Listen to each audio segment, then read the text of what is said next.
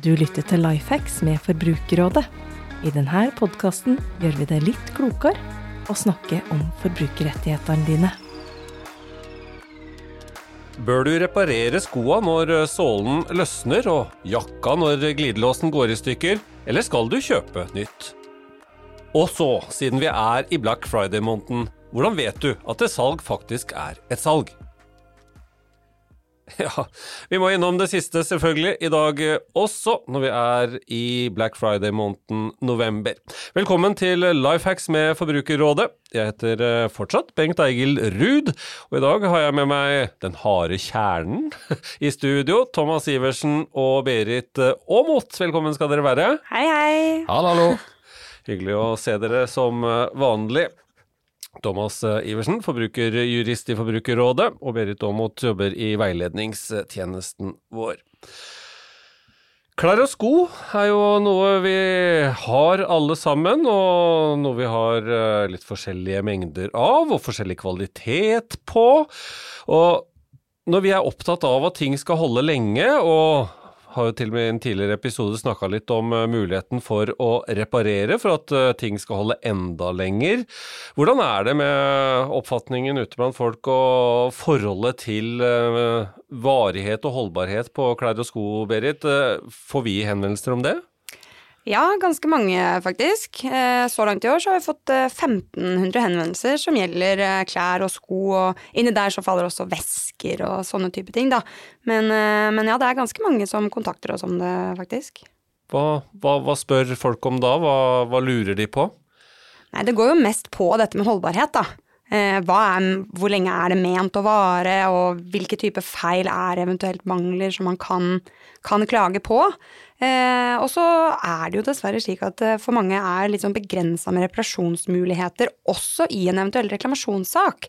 Eh, slik at eh, mange er kanskje glad da, for å få en ny, ny vare der hvor det er noe feil, men, men, veldig mange, og flere og flere, ønsker jo heller å få ting reparert.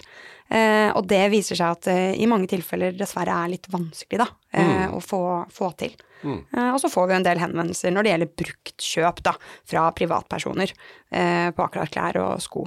Det finnes jo en del plattformer nå, ja. Det er jo noe som gjøres veldig mye. Ja, og da går det da på kvalitetene, at eh, de har blitt lova mer mer enn folk kan holde? Ja, det er nå ofte det, da. At det ikke er helt som i samsvar med f.eks. annonsert som helt som nytt eller nesten ikke brukt, og så ser det kanskje mer brukt ut enn det det ja, skulle være. Ja.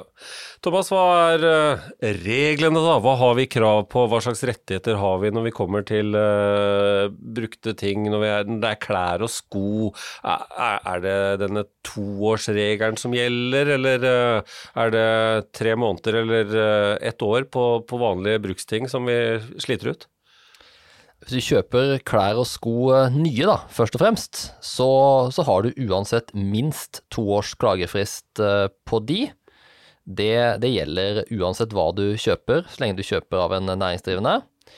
Klær som har eh, lengre holdbarhet, typisk eh, støvler eller regntøy, dresser osv., vil eh, fort kunne ha fem års, års klagefrist mot typisk fabrikasjonsfeil, eller hvis de ikke tåler vanlig bruk.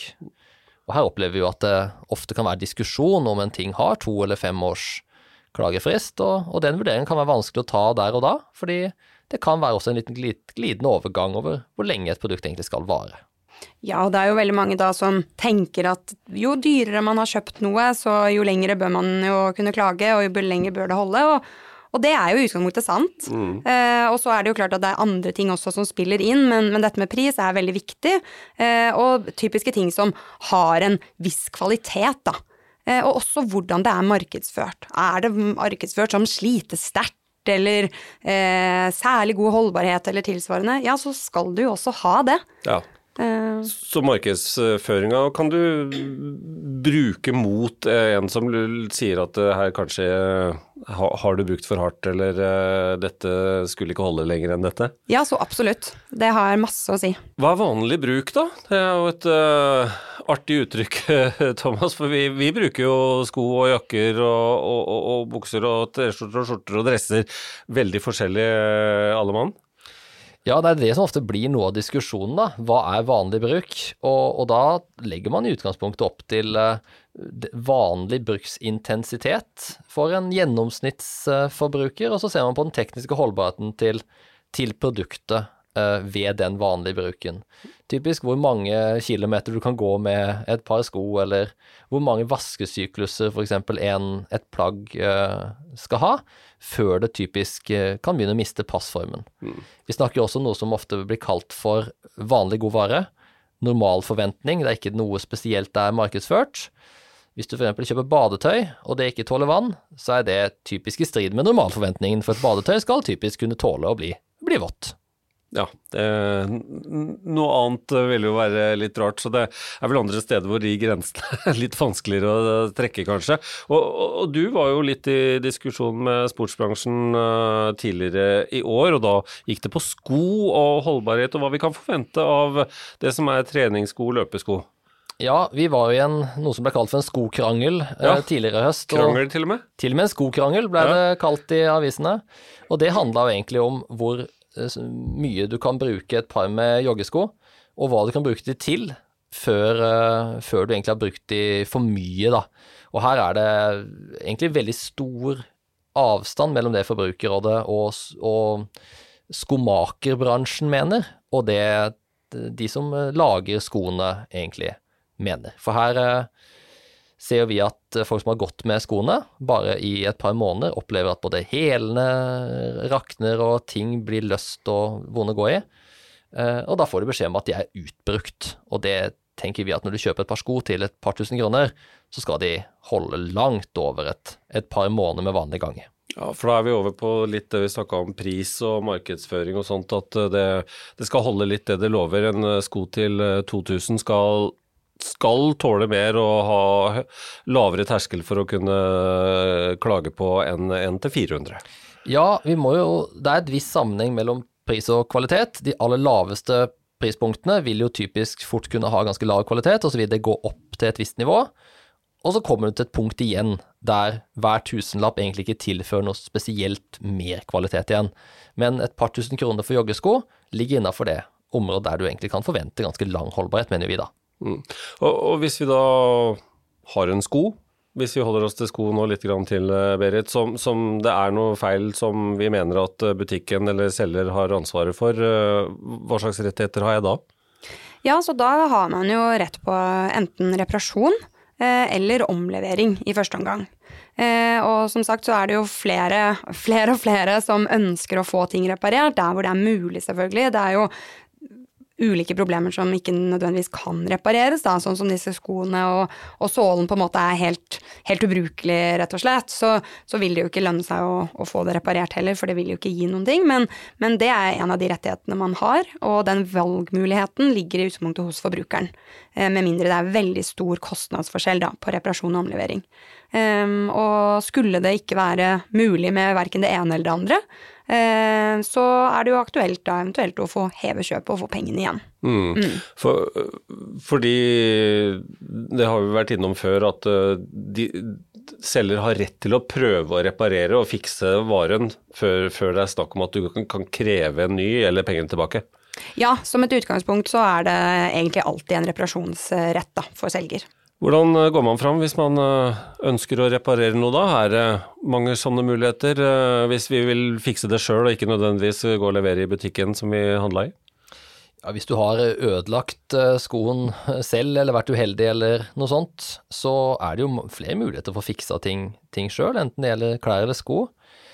Mye kan gjøres med en nål og en tråd hvis det gjelder ting på klær som ikke funker skal. Eller en lapp kan også brukes. Lappe, regntøy eller lapp jakker, eller bukser for den saks skyld. I tillegg så kan skosåler og andre ting limes eh, fast igjen eh, hjemme hvis du har et sterkt nok eh, lim til det.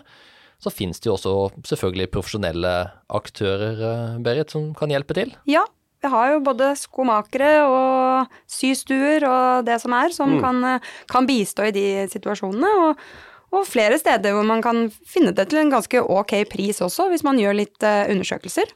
Eh, og så kan det jo være aktuelt i noen tilfeller å kontakte butikken også, som hvis det er et eller annet produkt som kanskje var vanskelig å få, få reparert, eh, man trenger en spesiell type glidelås f.eks., eller lignende, og det var ikke så lett å få tak i noe annet sted, så kan det også være aktuelt da å høre om butikken har mulighet til å få det reparert for deg, selvfølgelig da mot at du betaler hvis, hvis du selv har ødelagt noe, da. Har du innspill til oss som eh, lager Lifehacks med Forbrukerrådet, eller eh, forslag til spørsmål vi bør eh, besvare eller temaer å ta opp? Send oss gjerne en e-post. Den kan du da sende til lifehacks at forbrukerradet.no. Ja, så var det denne novembermåneden igjen da, Berit og Thomas. Eh, Black Friday på slutten, Black Week, Black Month. Masse, masse tilbud i både e-postkassa, på sosiale medier og i den fysiske postkassa også, for eh, den som får eh, reklame der. Hva i all verden er det vi skal se etter når vi lurer på om et tilbud er et tilbud? Ja, Det er et veldig godt spørsmål, og det blir kanskje enda vanskeligere i år enn det har vært, uh, vært, før. I og med at en god del selskaper nå ser ut til å sette prisene opp på en god del produkter for å tilpasse seg noen nye regler som kommer i oktober. Som uh, betyr at en god del salg som nå kan uh, komme i de store handledagene, fort kan vise seg å faktisk ikke være salg i det hele tatt, men faktisk dyrere enn eh, vanlig markedspris, eh, Berit. Ja, så det kan jo være et godt råd å faktisk eh, undersøke på typiske prissammenligningstjenester hva har det kostet frem til nå også, for å se om prisen f.eks. har blitt skrudd mye opp, da. Rett før den skal skrus ned igjen. For å se om det faktisk er et godt tilbud, og også undersøke ulike aktører ulike produsenter eller ulike butikker kan selge ut for forskjellige priser. Eh, og der kan man jo også fort se da om, eh, ja, om man har fått et eh, godt tilbud eller ikke. Nå tolker jeg kanskje stemmen deres feil, men undersøkelser viser jo at seks av ti ikke stoler på Black Friday-tilbud. Jeg hører på dere at dere er, er, er i den gruppa? Ja, vi er jo det, og det er jo ikke så rart at uh, såpass mange ikke stoler på tilbudene, og at tilliten er egentlig fallende, for det er det den er. Den er fallende uh, sammenlignet med foregående år.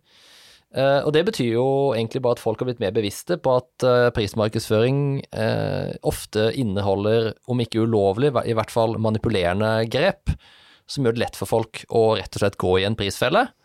Og vårt håp, eller mitt håp i hvert fall, er at flere blir bevisste på det, det Berit snakka om nettopp. At de sjekker sjekker eh, førerpris litt nøyere i lengre perioder bakover og undersøker med andre aktører. Det er den eneste måten å gardere seg mot, uh, mot sånne prisfeller. Mm. Ja, og det er jo forståelig at man ikke stoler på det hvis man har opplevd å bli lurt, eller man mm. har kanskje lest i media også da, at mange har blitt lurt, eller at her viser det seg at det har vært ja, feilprising på førpris eller tilsvarende. Så, men, eh, men, å sjekke ut, og det er vel aldri en anbefaling å måte, kjøpe noe på impuls eller tilsvarende, og det er jo kanskje det man ser i forbindelse med hele Black Month for den saks skyld, men spesielt Black Friday, at mange på en måte er veldig gira på å få kjøpe ting på, på tilbud. Eh, men, eh, men, du blir jo ikke så veldig fornøyd hvis du da kommer hjem og det viser seg at kunne faktisk ha kjøpt den billigere for en måned siden, mm. og, og, kanskje da hvis du hadde ventet en måned til, så hadde den igjen vært billigere. Så ja, så det er nok det å ikke kanskje være så impulsiv, og heller gjøre litt undersøkelser på forhånd. Ja. Eh, kan vi si litt mer om disse nye reglene som du nevner, eh, Thomas? For det, det, er jo litt det som gjør at det er litt ekstra bevissthet nå også, opplever jeg. Noen journalister har uh, vært og sett på de reglene, og, og dermed sjekka litt priser på ting som uh, vi brått kan møte som store avslag på en, på en Black Friday. Ja, tidligere så var reglene ganske skjønnsmessige når det gjaldt prismarkedsføring. Du måtte ha solgt produktet til en uh, lavere pris for et, i et visst tidsrom, og du måtte ha hatt et visst volum av salget og alt mulig rart. Vanskelig å håndheve, vanskelig for bedriften å vite om de var innafor eller utafor. Reglene har blitt sterkt forenkla, og de nye reglene sier enkelt og greit at uh, ved bruk av eh, pris i markedsføringen og rabatter, så skal du vise den laveste førprisen de siste 30 dagene før salget begynte. Uavhengig av om du har solgt et produkt eller ei. Det er nok at du har annonsert eller brukt, brukt prisen. Og Det betyr at det er enkelt for bransjen å, å tilpasse seg, og det er det vi har sett uh, de siste ukene, ved at prisen skyter i været uh, litt over 30 dager før uh, Black Friday eller Black Week. Og deretter så kan den jo lovlig settes ned igjen, men kanskje ikke like langt ned som den var opprinnelig. Men da høres det ikke ut som i hvert fall noen av aktørene vurderer kanskje ikke tilliten eh, sin blant eh, vanlige folk opp mot det nye regelverket. De ser heller på hvordan, hvordan de kan løse det fra sin side. Dette er første gang det er en sånn stor handle, de store handledagene eh, bruker de nye reglene. Ja. Så vi må jo se på det her også litt som et utslag av eksperimentering, og at man forsøker å, at markedet kalibrerer seg litt. da. Så, men det er viktig at, uh, at, både næringsliv, men også tilsynsmyndigheter, og for så vidt myndighetene for øvrig, følger med på den utviklinga, fordi ingen regler er jo, er jo slått i stein. Og hvis 30-dagersregelen nå ikke funker som den skal, så kan man jo vurdere å utvide den ytterligere. Hva skal vi tenke på? Hva skal eh, den som er på utkikk etter et godt tilbud, se etter? Eh, den som er redd for å bli lurt, hva, hva, hva er signalene? Hva er, vi, hvordan kan vi se vi, at vi gjør et godt uh, kjøp? Ja, det kan jo greit å være obs på at hvis det i forhold til førprisen ser ut som det er satt ekstremt mye ned, så kan jo det indikere at uh, den førprisen da er en pris som er skrudd opp på forhånd. Og i tillegg så er det dette å ha en god plan og gjøre litt undersøkelser. Allerede nå, da, at man ser på ok, hvilke produkter er det jeg faktisk trenger? Eh, hva er det jeg ønsker å se om enten er på tilbud nå, eller kommer på tilbud eh, nærmere siste dagen i november, eller de siste dagene i november, eh, for å, for å ha en god plan da, for hva du skal kjøpe. Og det er klart at et godt tilbud er jo i utgangspunktet kun et godt tilbud hvis det er på noe du faktisk trenger. Hvis du kjøper noe du ikke har behov for, så har du jo egentlig ikke spart så veldig mye penger på det. Nei, det siste er selvfølgelig viktig, og kan passe fint inn i en, en god plan. Vi er framme ved ukens uh, veiledningshjørne, Berit. Uh, noe som ikke handler om nødvendigvis det vi snakker om som tema for dagens episode, men en historie fra veiledningstjenesten. Hva, hva, kan du fortelle oss i dag? Da, I dag har jeg gravd fram en da, som toucher inne på temaet, med en væske. For forbruker ville klage på en væske som knirket så voldsomt, og det var veldig plagsomt. Og hadde fått butikken til å teste den, eh, og akkurat da knirket den dessverre litt mindre da når butikken testet den. Eh, veilederen spurte hva slags væske det var snakk om, og, fikk til svar at det var en skinnvæske. Veilederen tenkte jo da at dette trolig var normalt, altså skinn, det kan vel kanskje knirke litt, og informerte forbrukeren om det. Og, og forbrukeren hadde fått den samme informasjonen fra butikken, da, eh, men mente at det ikke var godt nok. Eh, hadde også fått en skinnkrem som, eh, som skulle hjelpe, og, og, da spurte jo veilederen men har det hjulpet, da? Eh, ja, sa forbrukeren. Ja, men da har vel saken løst seg, da. Så da var jo det egentlig ingenting å gi veiledning på. ok, så det er noen sånne også som egentlig bare skal fortelle hvor fint det kan være når man får den hjelpa man trenger. Ja. Supert. Tusen takk, eh, Berit. Tusen takk, eh, Thomas, for at dere var med og gjorde denne episoden til det den blei. Takk til deg som uh, hørte på. Husk å abonnere, så får du beskjed når det er nye episoder å høre. Takk for at du hører på Lifehacks. Du får nye episoder fra oss annenhver uke. Abonner gjerne, så får du nye episoder der du liker å høre dem. Hvis eh, du vil komme i kontakt med oss for eh, ris og ros, eller vil dele din beste lifehack, send oss en e-post på lifehacks.forbrukerradet.no. For andre forbrukerhenvendelser er det de vanlige kanalene som gjelder. Du når våre forbrukerveiledere via kontaktinformasjon du finner på forbrukerrådet.no.